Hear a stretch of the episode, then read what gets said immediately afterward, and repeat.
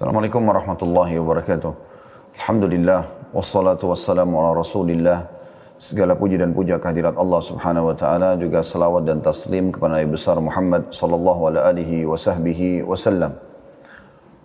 Tentu selalu saja kita memuji dan memuja Allah atas segala nikmatnya termasuk kita bisa melalui hari-hari Ramadan ini dengan insya Allah ibadah berpuasa di siang hari, sholat tarawih di malam hari, dan mudah-mudahan juga kita sempatkan untuk berdoa, berzikir, membaca Al-Quran, dan apa pun ibadah itu, baik dari bakti orang tua, menjenguk orang sakit, atau yang lainnya, dan semoga Allah SWT terima menjadi amal. Kata Ibnu Jauzi rahimahullah, kalau seandainya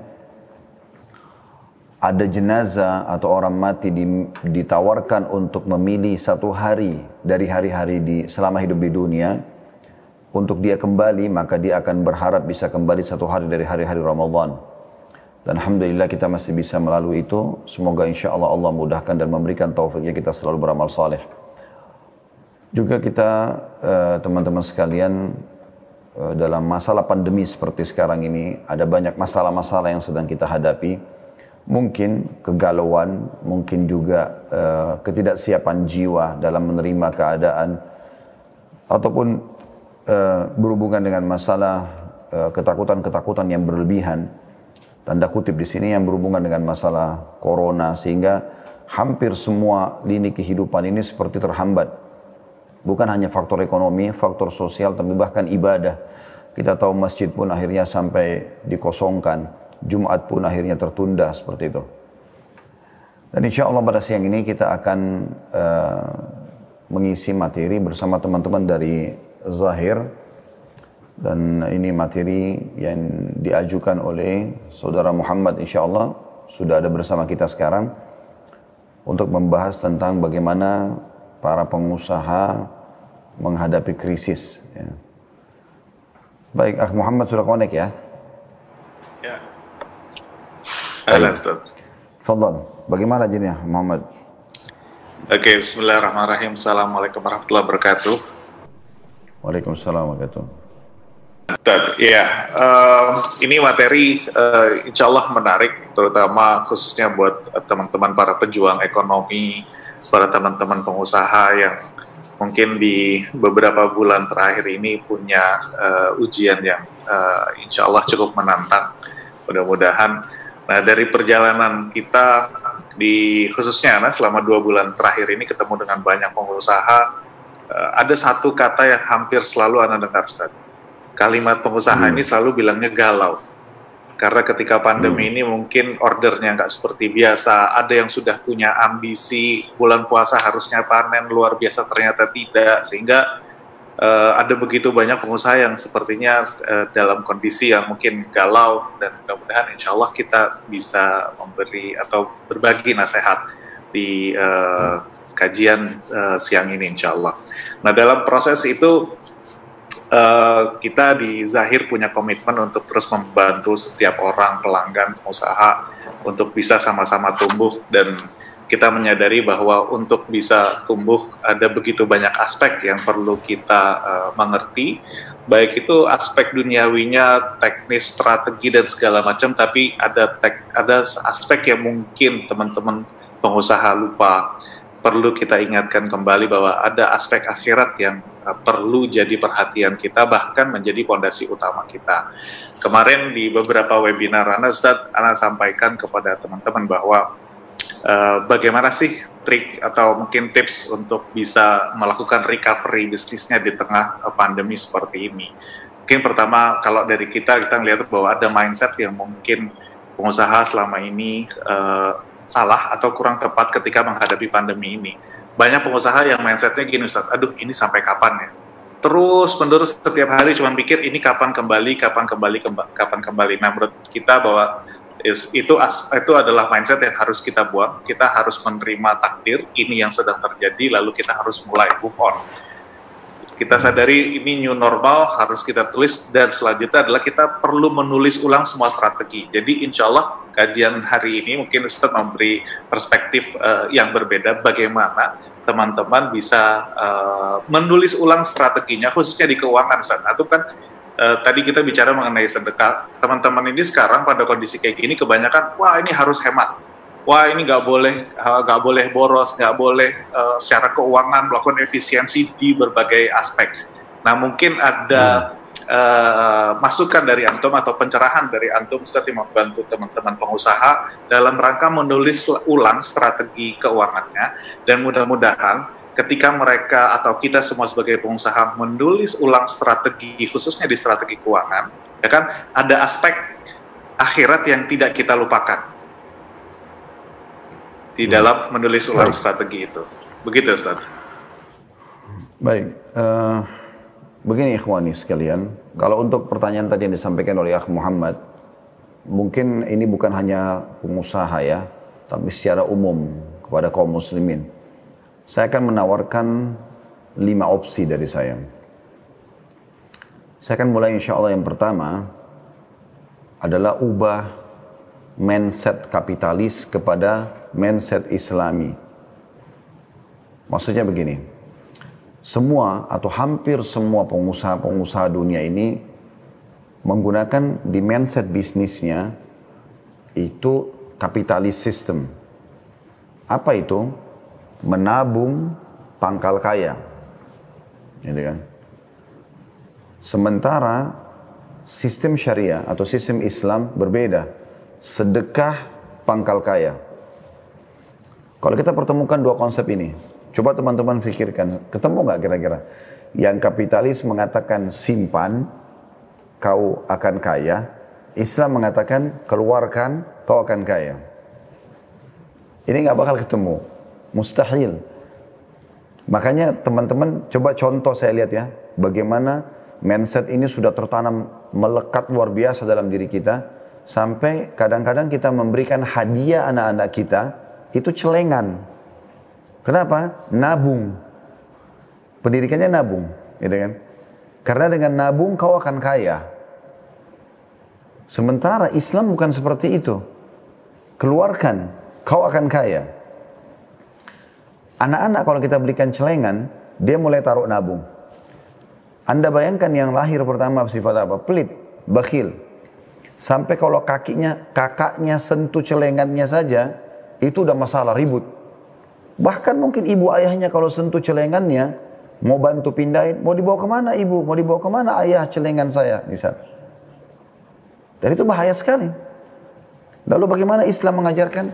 Kasih uang ke anak, misalnya ini uang jajan sekolah ya nak. Nanti kalau lagi makan di kantin istirahat, bagi sama temanmu ya. Ayah mau, ibu mau uang yang dikasih ini 10 ribu, 20 ribu, 50 ribu. Sedekahkan ke teman-temanmu. Kalau ada musola kamu lewatin, ada kotak amalnya, kasih. Ada orang miskin di pinggir jalan, kasih. Itu yang kita tanamkan dari kecil. Bukan kita menanamkan sistem kapitalis ini. Dan ini ternyata berkembang pesat masalah sistem kapitalis ini. Kita sampai tidak sadari mindset kita pada saat kita sudah besar adalah save your money Selalu simpan, simpan. Tapi sifatnya simpannya ini duniawi. Sehingga dia nabung. Bayangkan efeknya sampai anak sama orang tua bisa menganggap punya utang satu sama yang lain. Padahal ada seorang sahabat, ayahnya datang ke rumahnya, kemudian dia lagi tidak ada dan butuh duit. Datang minta duit, istrinya anak ini memberikan kepada mertuanya. Ini, Begitu si suami pulang, tanya siapa yang datang? Tadi ayahmu datang. Apa yang dilakukan? Dia minta tadi hartamu. Terus apa yang kau lakukan? Saya kasih, kan ayahmu. Si anak apa yang terjadi? Marah. Lapor kepada Nabi SAW. Ya Rasulullah, tadi kok ayah saya datang ke rumah saya ambil duit tanpa izin. Maka Nabi SAW balik menjawab lalu mengatakan, Anta wa mali kali abik. Kamu dan hartamu itu milik ayahmu. Kalau tanpa spermanya kau tidak akan ada di muka bumi ini. Tapi sistem kapitalis mengurung kita di situ. Sampai seorang anak menganggap ayah punya utang, ibu punya utang. Dan saling nagih. Mana kekerabatan di sini? Mana bakti pada orang tua? Suami istri, tagih utang. Saya nggak habis pikir, orang yang sudah seranjang sama-sama, udah terbuka pakaiannya, bisa nagih. Utangmu kemarin mana? Ini aneh ya. Tapi ini semua efek daripada pemahaman kapitalis tadi. Gak ada lagi namanya Oh ya sudah saya ridhokan, saya ikhlaskan. Gitu kan? Saya memberi. Islam mengajarkan kita teman-teman mendahulukan faktor sosial, F, F, apa, aspek sosial daripada aspek ekonomi. Kalau saya berteman sama seseorang, saya misalnya ketemu sama Akh Muhammad, maka yang saya pikirkan pertama, kalau mindset saya benar, Islami, saya dapat, saya bisa dapat pahala apa dari Muhammad ini? Jadi pikiran saya itu adalah apa ini? Saya memberi baju kah? Saya memberi ngajak makan traktir kah? Atau saya membantu dia ide apakah? Gitu kan? Saya jenguk kalau dia sakit itu sosialnya itu didahulukan. Bukan begitu kenal, ini orang kaya nggak sih? Gitu. Kan?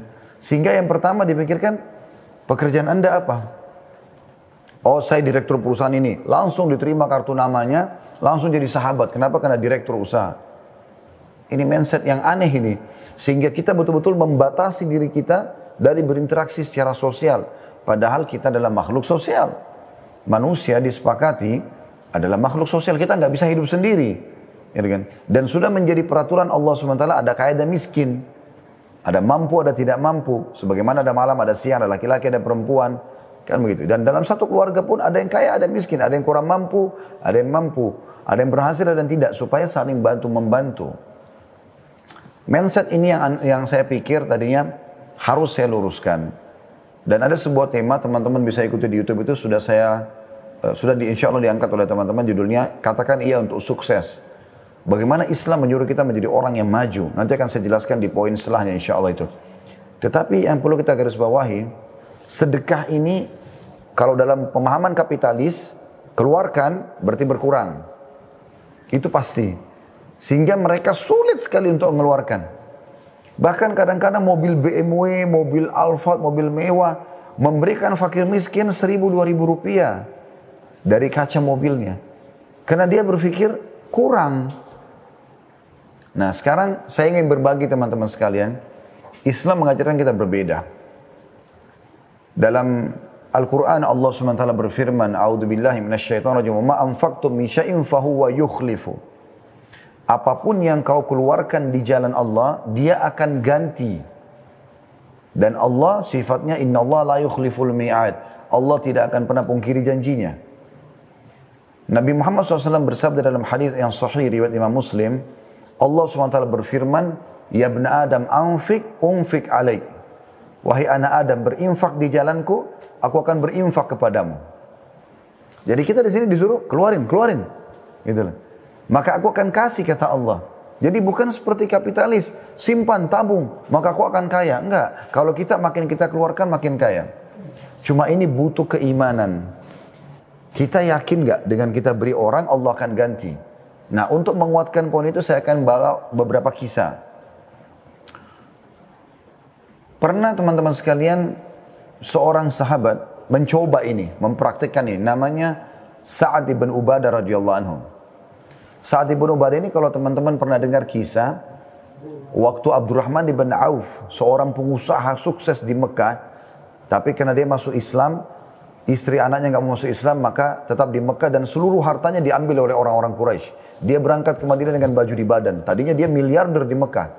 Dia tinggal di sebuah komplek mewah di Mekah.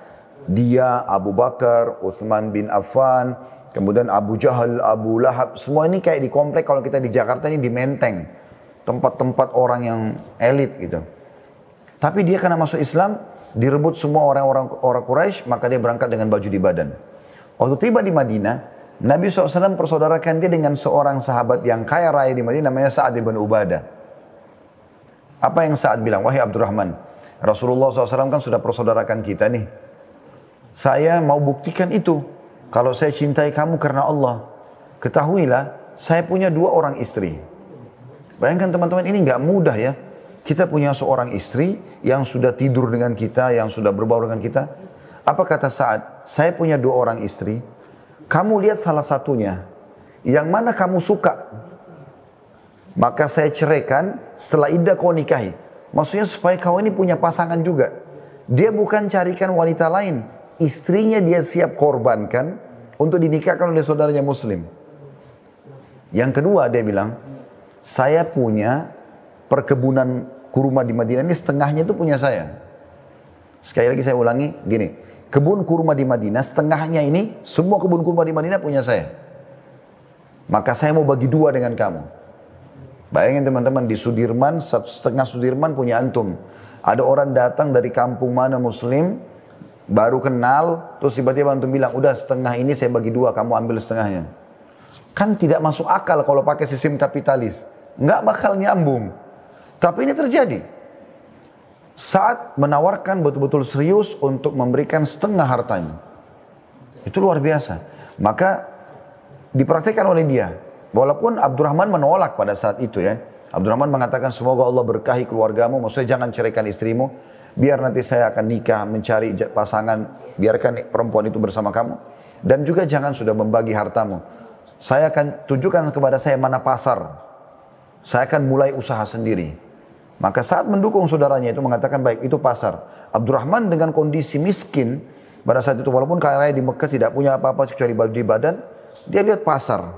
Oh ternyata uh, mayoritas yang didagangkan itu adalah peralatan perkebunan karena 90% penduduk Madinah itu kerjanya kebun kurma. Maka dia pun datang ke toko paling besar lalu dia mengatakan, saya adalah Abdurrahman, seorang muhajir dari Mekah, saudara muslim Anda. Saya mau coba mulai usaha. Bisa nggak? Saya beli beberapa cangkul tapi jatuh tempo. Besok saya bayar. Karena 5-6 cangkul, kata pemilik toko silahkan ambil saja. Abdurrahman pikul keliling-keliling pasar. Terus tawarin. Ya. Saya mau jual, mau jual, laku. Dia kembali dia bayar hari itu juga atau besok dia bayar. Sampai tidak sampai sebulan, Abdurrahman sudah punya kios sendiri. Beberapa waktu setelah itu dia menikah dengan seorang wanita sampai datang ke, ke masjid Nabi pakai baju yang lebih bagus, kelihatan kayak pengantin gitu. Kata Nabi SAW, Hai Abdurrahman, apa nih perubahan yang saya lihat sambil senyum gitu. Lalu kata Abdurrahman, ya Rasulullah saya sudah nikah. Kata Nabi SAW, sama siapa? Dia bilang sama seorang wanita ansar. Mahar apa yang kamu kasih? Dia bilang, emas seperti biji kurma. Masih susah hidupnya gitu kan. Tapi dia sudah bisa menikah. Nah saya kembali kepada kisah Sa'ad radhiyallahu anhu. Saat ini mempraktekin. Dia coba, dia bilang sama anaknya, ini pendidikan yang tadi saya coba hubungkan dengan cara kita pendidikan anak kita dengan cara kapitalis ya. Dia bilang sama anaknya, ayah ini punya harta nak. Ayah ingin mensedekahkan semua harta ini di jalan Allah. Maka ayah mau kau bantu ayah untuk sedekahkan. Ini gudang harta, setiap hari sedekahkan semaumu.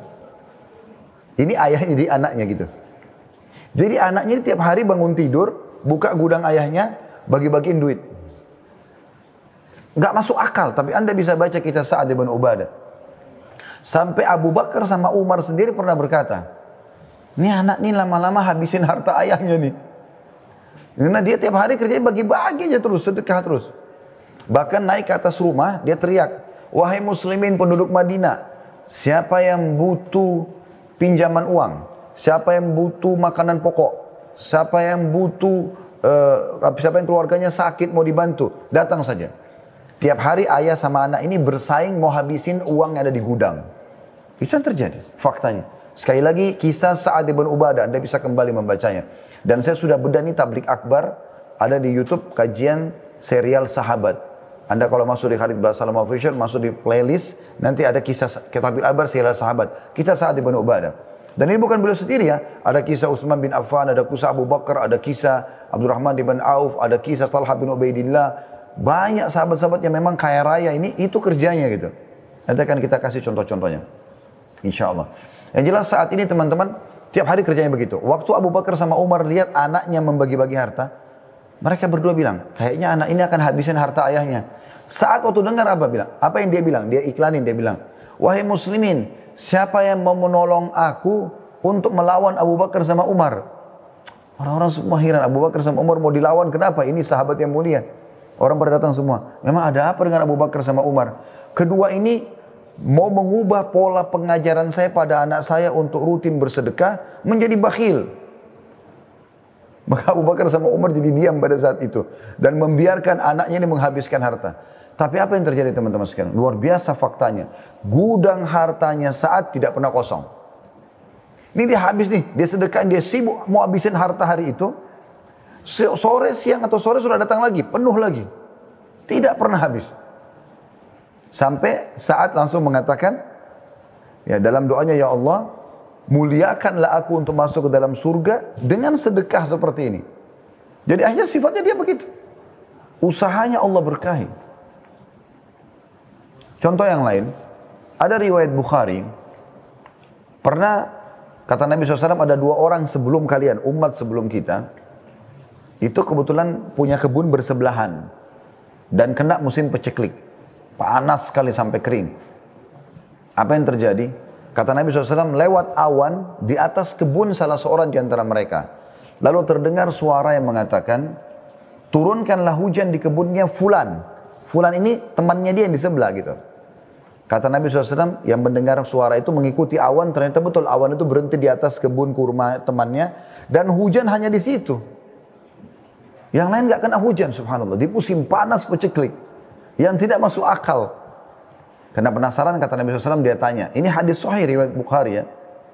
Maka kata orang yang tadi mendengarkan suara itu kepada temannya di kebun sebelah. Apa yang kau buat dengan kebunmu ini? Kata dia, hasilnya saya bagi tiga. Bukan modalnya, tapi hasilnya dibilang saya bagi tiga. Sepertiganya saya berikan untuk kebutuhan keluarga saya. Sepertiganya saya sedekahkan di jalan Allah, sepertiganya saya kembalikan tambahan modal. Hanya karena membagi sepertiga begitu, akhirnya Allah subhanahu wa ta'ala berkahi. Saya punya kakak ipar di Ternate ya, mungkin sekitar 15 atau 17 tahun lalu saya pernah ke sana. Uh, beberapa tahun awal balik dari Madinah dulu sempat ceramah, kemudian pulang dari ceramah, habis isya gitu jam-jam 9 saya duduk ngobrol. Lagi asyik ngobrol tiba-tiba ada suara seng, ribut, pang gitu kayak suara batu yang besar. Terus saya kaget tapi dia bilang, dia senyum sambil dia mengatakan, itu mangga baru jatuh dari pohonnya. Jatuh di atas seng di belakang rumah. Terus saya bilang, oh Masya Allah. Dia bilang, Terus dia bilang itu mangga madu. Orang Ternate bilang itu mangga madu. Kalau di Jakarta kita bilang mangga mana lagi. Kayak ada titik-titik madunya kan itu kalau dipotong. Dia bilang Ustadz mau. Dia, eh oke. Okay. Saya bilang nggak apa-apa. Terus kita coba deh. Dipotong. Memang manis Masya Allah mangga itu. Udah selesai kami istirahat. Besok habis sholat subuh saya pulang dari masjid. Tiba-tiba saya terus gerak hati saya penasaran pengen tanya. Saya bilang bisa nggak saya lihat pohon mangga antum? Dia ya silahkan. Itu saya jalan, lewati dapurnya ke pintu belakang rumah. Subhanallah pohon mangga itu maksimal 3 meter lah tingginya ya. 3 meter. Itu buahnya luar biasa. Penuh. Dan sampai buahnya itu saking banyaknya. Sampai dahan-dahannya itu ada yang sampai sampai mau nyentuh apa kayak pavin blok di belakang rumahnya itu. Cuma satu pohon mangga saja. Buahnya banyak, mungkin ratusan buah kali. Nah, tapi pohon itu memang karena di dekat tembok, jadi sebagian sebagian dahannya itu menjung, menjunglai ke dalam rumah, sebagainya keluar tembok gitu. Terus saya saking kagum itu tuh masya Allah luar biasa buahnya ini. Kebetulan juga saya suka dengan tanaman buah gitu. Cuma saya di rumah biasa cuma tabulan pot, tanaman dalam pot saja gitu kan. Senang lihatnya mangga dua biji, tiga biji kan enak gitu ngelihatnya. Terus dia bilang sama saya, dia datang terus dia bilang, Ustadz ini pohon mangga ya sepanjang tahun nggak pernah berhenti berbuah. Oh, masya Allah, lebih kaget lagi saya gitu kan. Jadi sudah buahnya lebat sepanjang tahun nggak pernah berhenti. Kita kan tahu mangga setahun sekali. Antum kalau mau makan mangga harum manis tunggu setahun kan. Nah, ini subhanallah dia setiap tahun berbuah. Terus saya sempat tanya, oh masya Allah. Ya, saya bilang gitu terus dia bilang iya Terus dia bilang gini kalimat, saya yakin dia tidak bermaksud ini. Tapi dia mengucapkan seperti Allah berikan peringatan kepada saya dan juga sekarang kepada teman-teman sekalian yang ikuti acara kita. Dia mengatakan, saya tidak pernah larang orang ambil buahnya.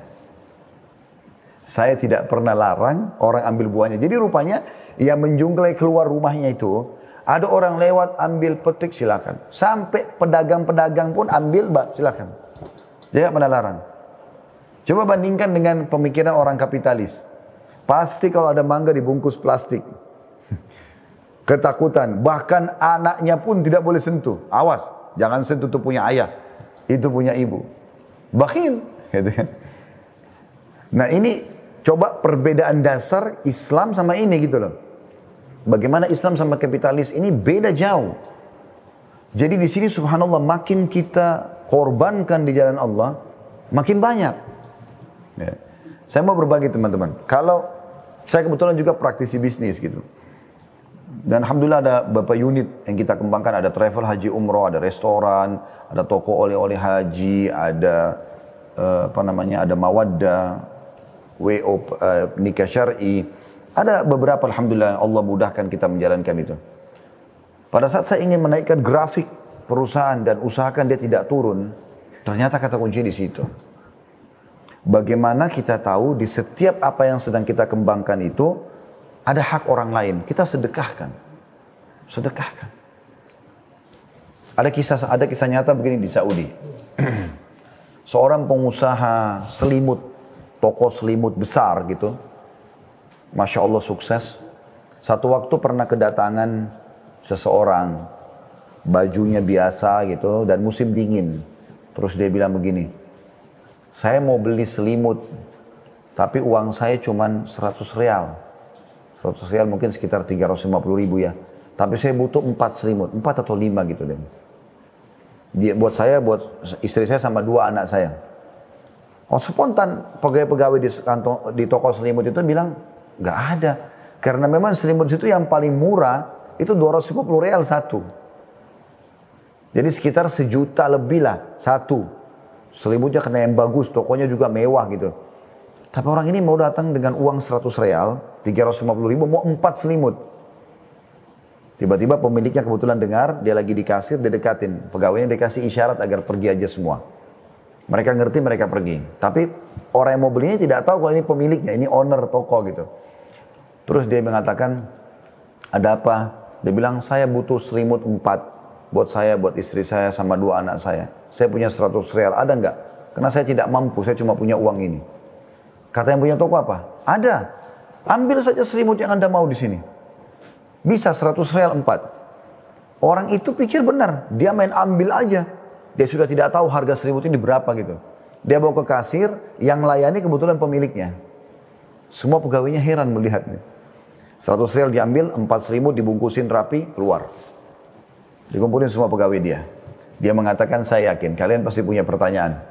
Kata salah satu pegawainya, iya tentu saja. Bagaimana Anda bisa menjual 100 real 4 selimut? Selama ini kami tahu yang sini paling murah 250 real. Kata dia, kita ini muslim. Ini bahasannya, kita ini muslim. Islam mengajarkan kepada kita mendahulukan sosial daripada ekonomi. Mendahulukan sedekah daripada menabung. Orang ini saudara kita muslim, dia butuh. Bukan selalu kita berpikir harus keuntungan dan keuntungan. Dan keuntungannya duniawi.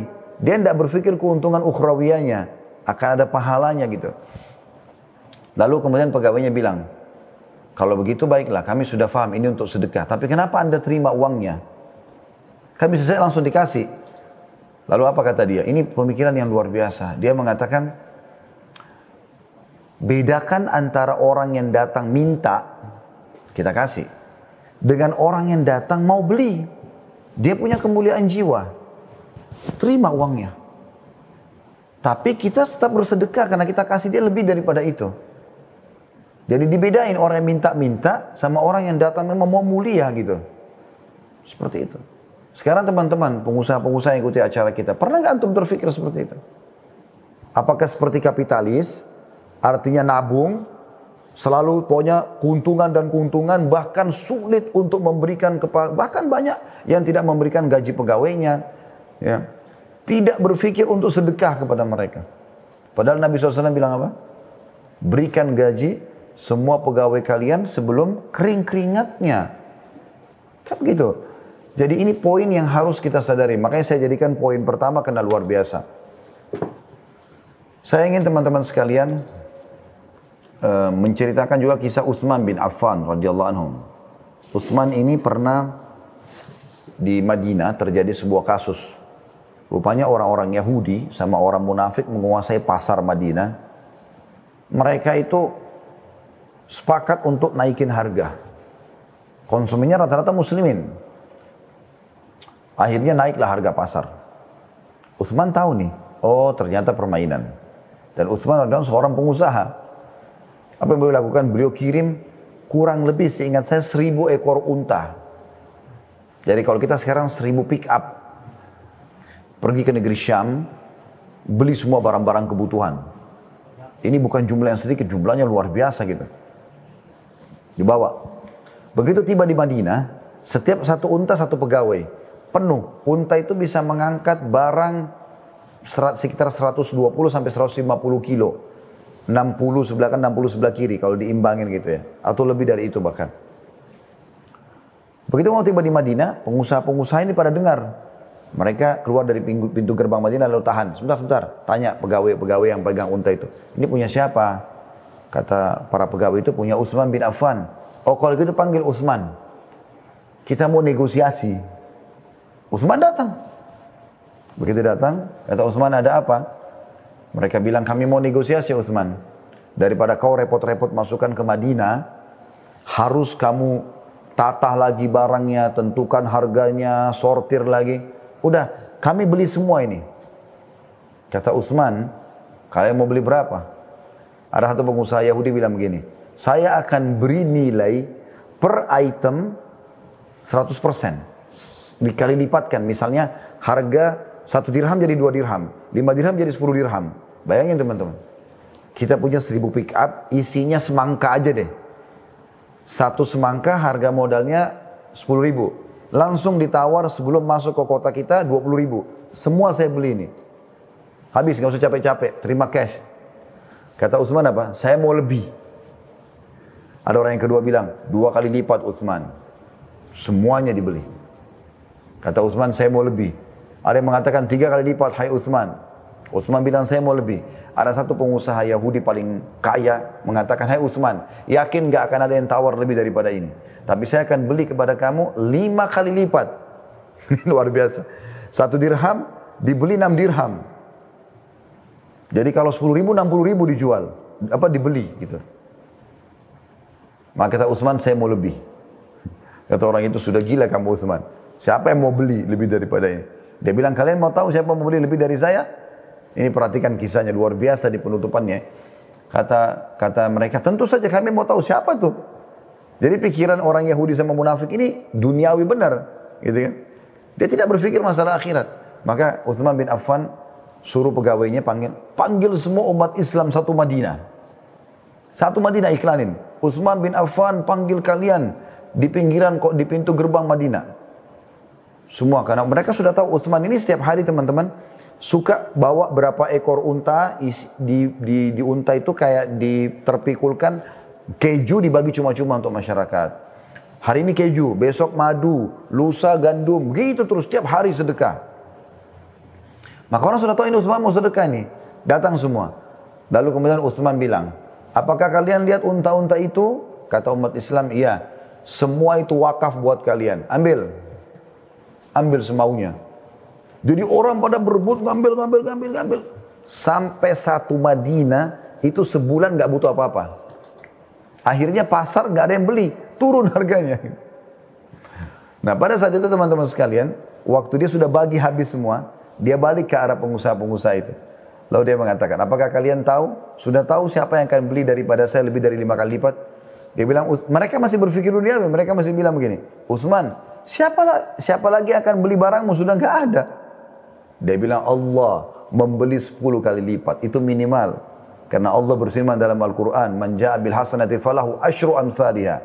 Siapa yang mendatang, melakukan satu perbuatan kebaikan akan kami lipat gandakan 10 kali lipat.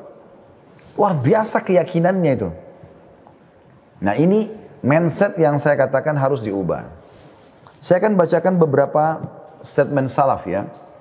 Saya juga sarankan teman-teman kalau bisa buku ini dibeli. Ini bukan catatan saya, bukan bukan tulisan saya. Tulisan Hasan bin Ahmad bin Hasan Hamman. Ini keajaiban sedekah dan istighfar. Saya selalu jadikan buku ini rujukan karena ada beberapa statement yang menarik sekali. Saya bacakan. Di halaman 6-nya disebutkan di antara pendapat salaf tentang sedekah. Dari Umar radhiyallahu anhu beliau berkata, Sesungguhnya amal itu saling berbangga-bangga diri. Lalu sedekah berkata, saya adalah yang paling baik di antara kalian. Jadi sedekah itu adalah amal yang paling baik.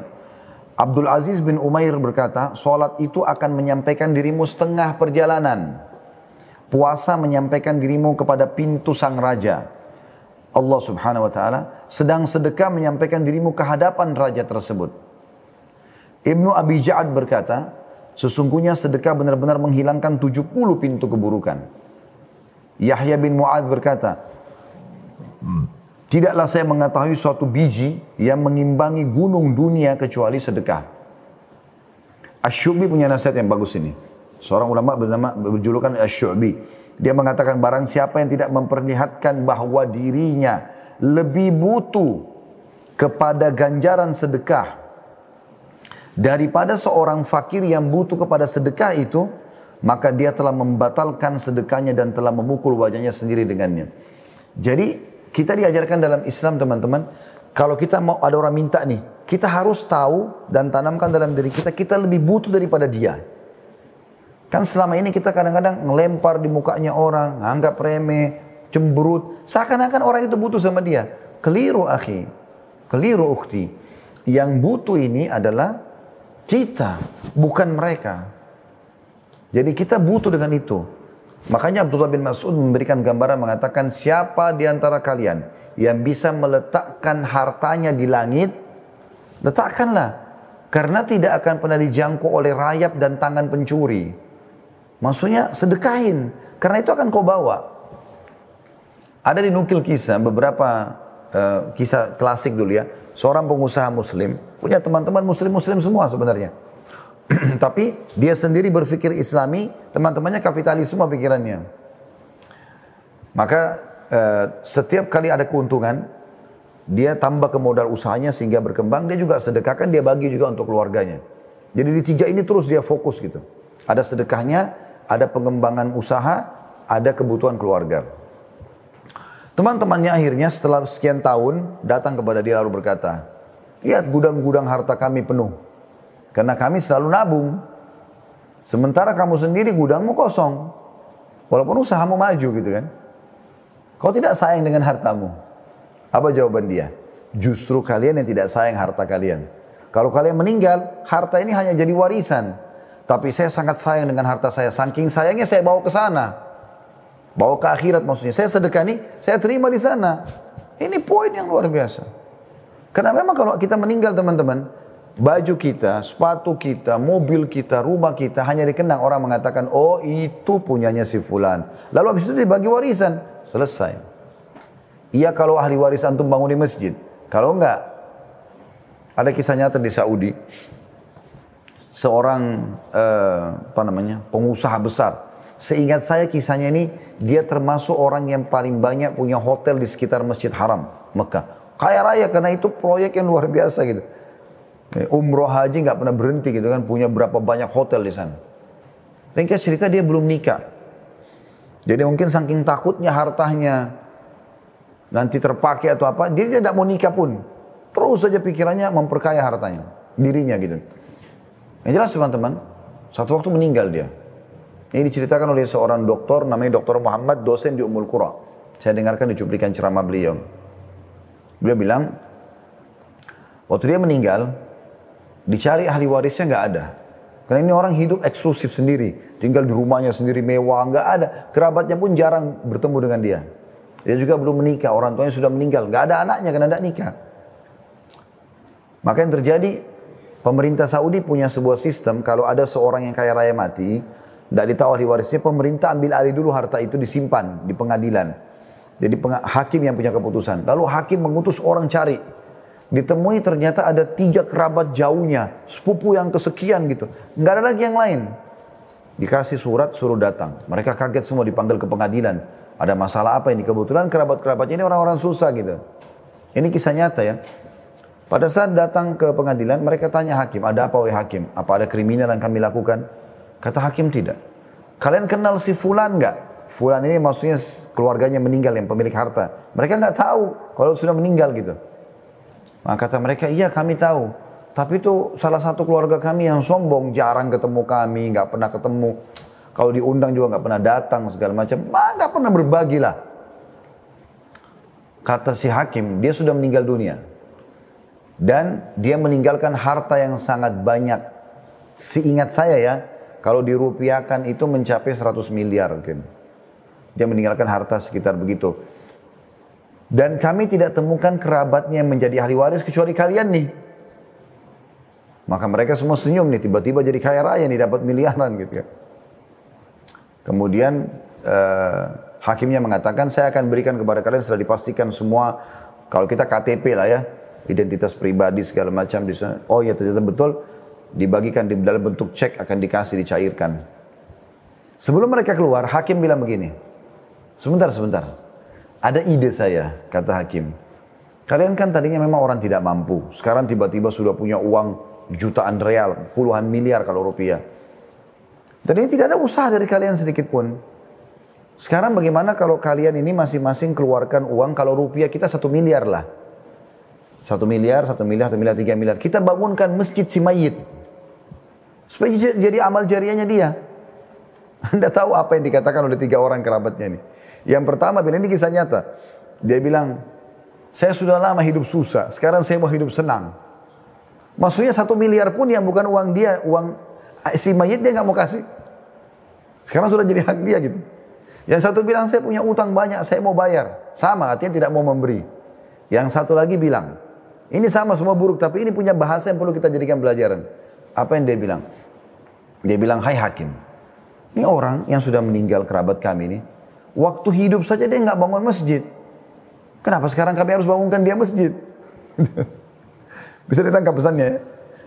Bagaimana tidak belum tentu ahli waris kita melakukan itu. Kalau tidak sekarang antum sedekahkan lalu kapan? Kan gitu. akan menjadi warisan. Seperti itu. Al-Laith ibn Sa'ad berkata rahimahullah, barang siapa rahimahullah ya, barang siapa yang telah mengambil dariku satu sedekah atau hadiah, kalau seandainya ada yang aku kasih sedekah lalu dia terima, maka hak dirinya atas diriku lebih besar daripada hak diriku atas dirinya. Karena dia telah menerima apa yang telah aku korbankan kepada Allah. Jadi Allah mengatakan kalau ada orang terima sedekahku nih, maka dia lebih berhak untuk selalu aku layani, aku penuhi kebutuhannya karena dia telah menerima apa yang aku korbankan untuk Allah. Jadi dia mereka merasa para salafus saleh ini orang yang menerima ini sedekah adalah lebih uh, lebih kita lebih membutuhkan dia daripada dia butuhkan kita. Kadang-kadang orang kalau pikiran kapitalis apa? Kalau datang orang miskin dikasih nih. Datang lagi besok. Loh, kan kemarin sudah. Loh, kemarin itu sudah dicatat di buku amalmu saudaraku. Hari ini kan gitu. Kita kan punya lembaran buku amal setiap hari. Bukan cuma sekali gitu kan. Seperti itu. Al-Fudail bin Iyad juga berkata rahimahullah kepada orang-orang yang menerima sedekah. Jadi dia pernah kumpulin harta, dia sudah sedekahin, banyak dihabisin sama dia. Begitu habis murid-muridnya ada di sebelahnya. Lalu dia mengatakan, lihat orang-orang ini. Mereka membawa perbekalan-perbekalan kita menuju akhirat tanpa upah sedikit pun. Hingga mereka meletakkannya di atas timbangan di hadapan Allah subhanahu wa ta'ala. Memang uang yang mereka terima dibeli makan, beli baju kan habis. Tapi kita nilainya itu kita akan terima nanti. Ini ya, the real investasi. ini investasi yang sebenarnya ini. Ali bin Abi Thalib berkata radhiyallahu anhu, barang siapa yang telah diberikan suatu harta oleh Allah, maka hendaklah yang menyambung kekerabatan dengannya, mem memperindah jamuan untuk tamunya. Jadi sedekah, kalau punya harta lakukan itu. Menolong sesama orang yang membutuhkan, membebaskan tawanan, membantu ibnu sabil, orang-orang miskin, para mujahidin, dan dia bersabar atas musibah yang menimpa hartanya. Karena tidak ada orang yang hartanya tidak dikena musibah. Kalau ada yang antara antum yang mengatakan, Ustaz saya pernah punya piutang orang nggak bayar. Tanya satu dunia ini, siapa yang pernah ngutangkan orang, semuanya dibayar. Gak mungkin. Pasti ada saja, semua ngalami itu. Siapa di antara kita yang tidak pernah ditipu orang? Coba jelasin. Tak mungkin. Kecil besarnya iya, tapi pasti pernah ditipu. Siapa di antara kita tidak pernah flu, tidak pernah keselio, gak pernah diganggu orang? Gak mungkin. Itu kehidupan dunia.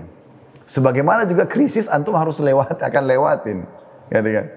Cuma bagaimana antum mengetahui kiat-kiatnya secara syar'i. Mungkin akan bentrok sekali mungkin kalau anda berpikir, oh kalau saya misalnya sekarang lagi krisis kayak tadi Akh Muhammad bilang kita harus hemat nih, nggak boleh keluarin. Sedekahnya pun hemat. Dulu waktu belum ada krisis, 2000 rupiah. Sekarang jadi berapa? 1000. Yang lucu kadang-kadang celengan masjid lewat. Ini rumahnya Allah. Dia korek uang yang paling kecil, 2000 rupiah. Masukin. Ada orang kaya raya. Kemudian 2000 apa dia minta sama Allah? Kesehatan, kekuatan, keturunan, selamat dari neraka, masuk surga. 2000? Gimana itu? Karena saya pernah naik mobil sama seorang pengusaha sukses luar biasa kaya raya. Punya usaha di Indonesia, punya usaha di Australia. Dia taruh uang di sebelah jendelanya uang seribu rupiah. Memang baru. Setiap orang miskin kasih ini kasih seribu rupiah, seribu rupiah. Ini gimana? Mau diapakan seribu rupiah di zaman kita sekarang? Kasih akhi seratus ribu. Latih diri. Kalau seratus ribu, keluarkan satu juta. Karena tidak akan mungkin kita keluarkan sejuta sebelum seratus ribu. Tidak akan kita keluarkan sepuluh juta tanpa satu juta. Tidak keluarkan seratus juta tanpa sepuluh juta. Dan seterusnya. Harus ada peningkatan kualitas itu. Dan ini resep luar biasa. Ini di Ramadan ini, saya bercerita bukan, tidak ada hubungannya sama riak sebenarnya. Tapi Alhamdulillah, di restoran kami di Ajut, saya cuma punya satu cabang. Tidak ada cabang, cuma satu restoran. Tapi Alhamdulillah tidak pernah kosong kita setiap hari. Delivery sampai kadang-kadang kita nolak, nolakin orang. Yang saya lakukan adalah setiap hari diusahakan agar selalu ada jadwal untuk bisa ya, uh, sedekah. Bukan puasain orang. Keluarkan. Makin kita kasih, antarkan si fulan sekian nampan, akan sebulan. Makin rame orang datang. Itu kata kunci. Dan saya praktekin, oh ternyata benar nih semua. Ya, itu luar biasa. Uh, di poin ini, di poin pertama saya akan tutup dengan teman-teman sekalian ada kisah juga dari uh, Abdurrahman bin Auf radhiyallahu anhu. Beliau setelah menjadi kaya raya di Madinah, sudah sukses luar biasa di Madinah. Maka yang beliau lakukan adalah uh, beliau pernah kedatangan satu peti emas. Satu peti emas. Belum pernah ada keuntungan sebanyak itu. Dia bingung lihat harta itu ini harta belum pernah sebanyak ini, jangan sampai cobaan dari Allah nih. Maka istri datang mengatakan, kenapa? Dia bilang, saya bingung lihat harta yang terlalu banyak buat saya. Ini belum pernah datang seperti ini, jangan sampai cobaan dari Allah nih. Lalu bagaimana kata istri, kata, kata lalu bagaimana kata dia, saya mau sedekahkan. Apa kata istri yang soleh, yang memang sudah tertanam juga ya sistem Islami dalam dirinya dan punya keimanan, pikir akhirat. Maka dia mengatakan, sedekahkan. Bukan kayak sekarang wanita zaman kita gitu kan. Eh, sebentar, sebentar, buat saya dulu ganti mobil dulu. Sebentar ganti tas dulu, ganti ini dulu gitu. Enggak ini dia mengatakan baik ayo. Maka mereka sibuk membagikan sampai habis. Dari malam sampai pagi nggak tidur teman-teman sekalian. Hanya sedekain. Habis itu, habis subuh legah keduanya suami istri tidur puas. Subhanallah, belum tiba sore hari, datang dua peti keuntungan. Itu kisah nyatanya. Abdurrahman bin Auf Disedekain lagi. Hari ketiga datang tiga peti. Tidak berhenti-berhenti. Sampai pernah Nabi SAW bilang tentang Abdurrahman, Hayab, ini Abdurrahman ini nanti lama hisapnya hari kiamat karena hartanya banyak. Bahkan Abdurrahman kata Nabi SAW kalau genggam tanah bisa laku tuh tanah. Jadi saking pintarnya bisnis gitu. Maka Abdurrahman kepikiran, hisap saya lama nih hari kiamat. Gimana solusinya nih? Kayaknya gara-gara harta nih. Dia mau habisin hartanya. Gimana caranya? Sedekah-sedekah, nggak habis-habis. Banyak sekali hartanya. Siapa lagi? Siapa lagi yang mau dikasih gitu? Rupanya dia dengar informasi di pinggir kota Madinah ada satu pengusaha punya kebun kurma besar itu gagal panen. Kurmanya semuanya kering, nggak ada yang bagus. Kepikiran orang itu dia mau hidupkan keluarganya bagaimana sekarang? Abdurrahman datang. Berapa kau jual nih kurmamu? Kata dia sekian, kalau harga pasar, kalau bagus, kalau ini tidak bagus. De Abdurrahman bilang saya beli harga pasar, satu kebun semua, ini duitnya cash. Orang itu gembira laku nih. Padahal kurma sudah tidak bisa di, maksudnya tinggal dibagi-bagi sedekah, nggak bisa lagi jual. Kalau jual nggak ada yang beli karena kurmanya agak kering. Abdurrahman bilang, Alhamdulillah hisab saya sudah ringan hari kiamat. Sudah bantu saudara muslim, harta sekarang tidak ada. Subhanallah, dua hari setelah itu datang utusan dari Yaman. Ada raja di Yaman. Rupanya di Yaman ini ada penyakit. Itu obatnya kurma kering. Bayangin aja. Obatnya kurma kering. Datang utusan tersebut lalu mengatakan kami mau dengar Madinah ini adalah ke, ke, apa yang paling banyak punya kebun eh, banyak banyak hasil kurma. Kami mau beli kurma tapi kurma yang kering. Orang semua bilang nggak ada, sini ada rumah bagus kecuali Abdurrahman. Abdurrahman baru beli kebun, isi kebun dua hari yang lalu. Maka dibeli oleh orang-orang Yaman dengan harta dua kali lipat. Maka Abdurrahman bilang memang saya tidak bisa lepas dari hisab hari kiamat. Mohon maaf teman-teman, ini poin agak lama saya jelaskan karena ini poin saya rasa penting. Saya akan ringkaskan empat poin yang tersisa. Jadi yang pertama sedekah teman-teman. Coba buat simbol bersedekah pangkal kaya dan bukan menabung pangkal kaya. Itu intinya sebenarnya. Dan ini diikuti dengan keyakinan tentang janji Allah dan Rasulnya. Karena Nabi SAW sudah mengatakan, Allah berfirman, Ya benar Adam, amfik umfik alaik. Wahai anak Adam, berinfaklah jalanku, aku akan berinfak padamu.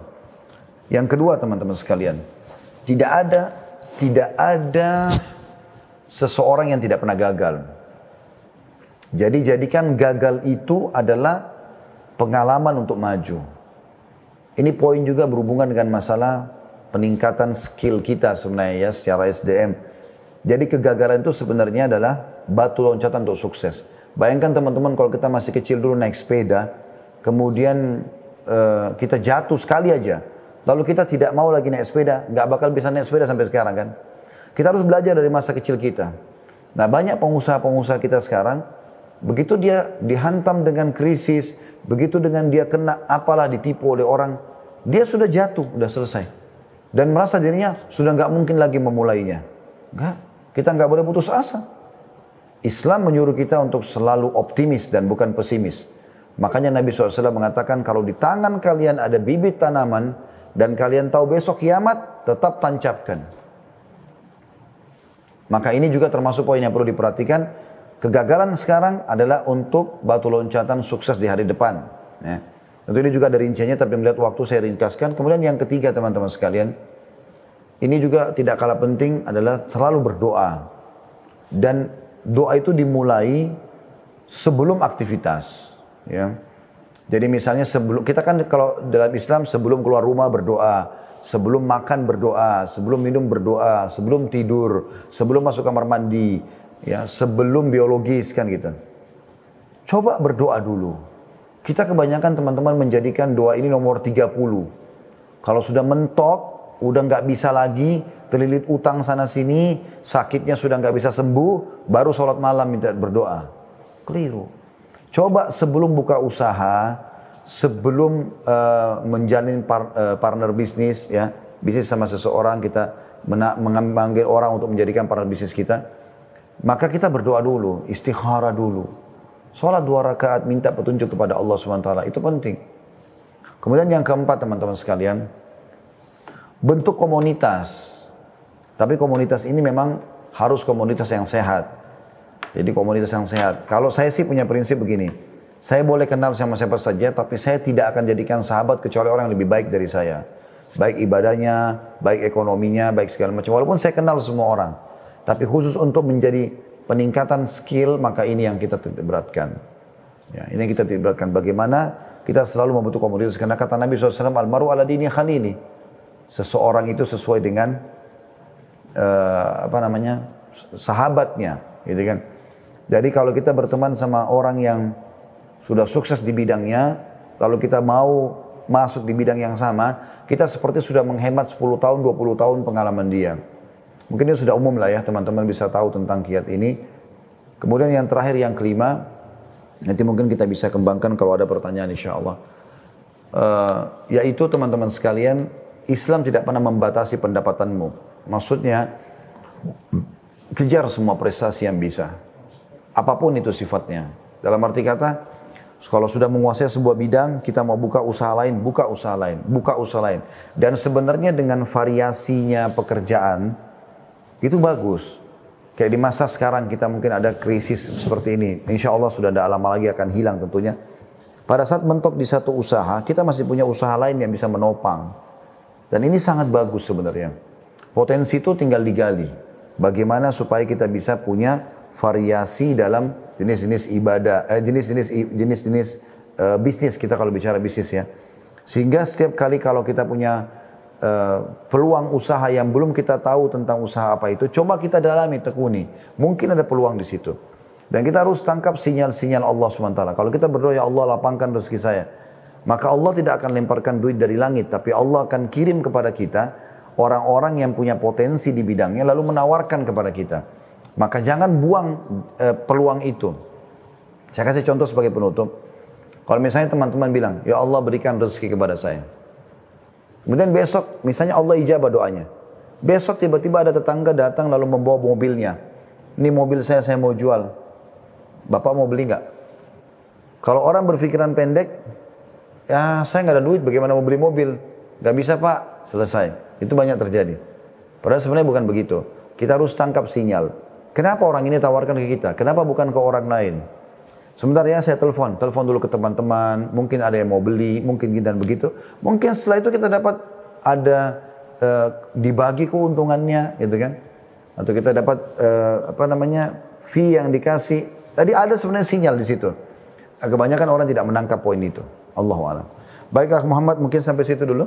Ya, saya insya Allah uh, berterima kasih dengan uh, Muhammad dan teman-teman di Zahir secara umum dan seluruh pengusaha yang sudah mengikuti acara kita dan tentu muslimin secara umum walaupun bukan pengusaha yang mengikuti acara kami.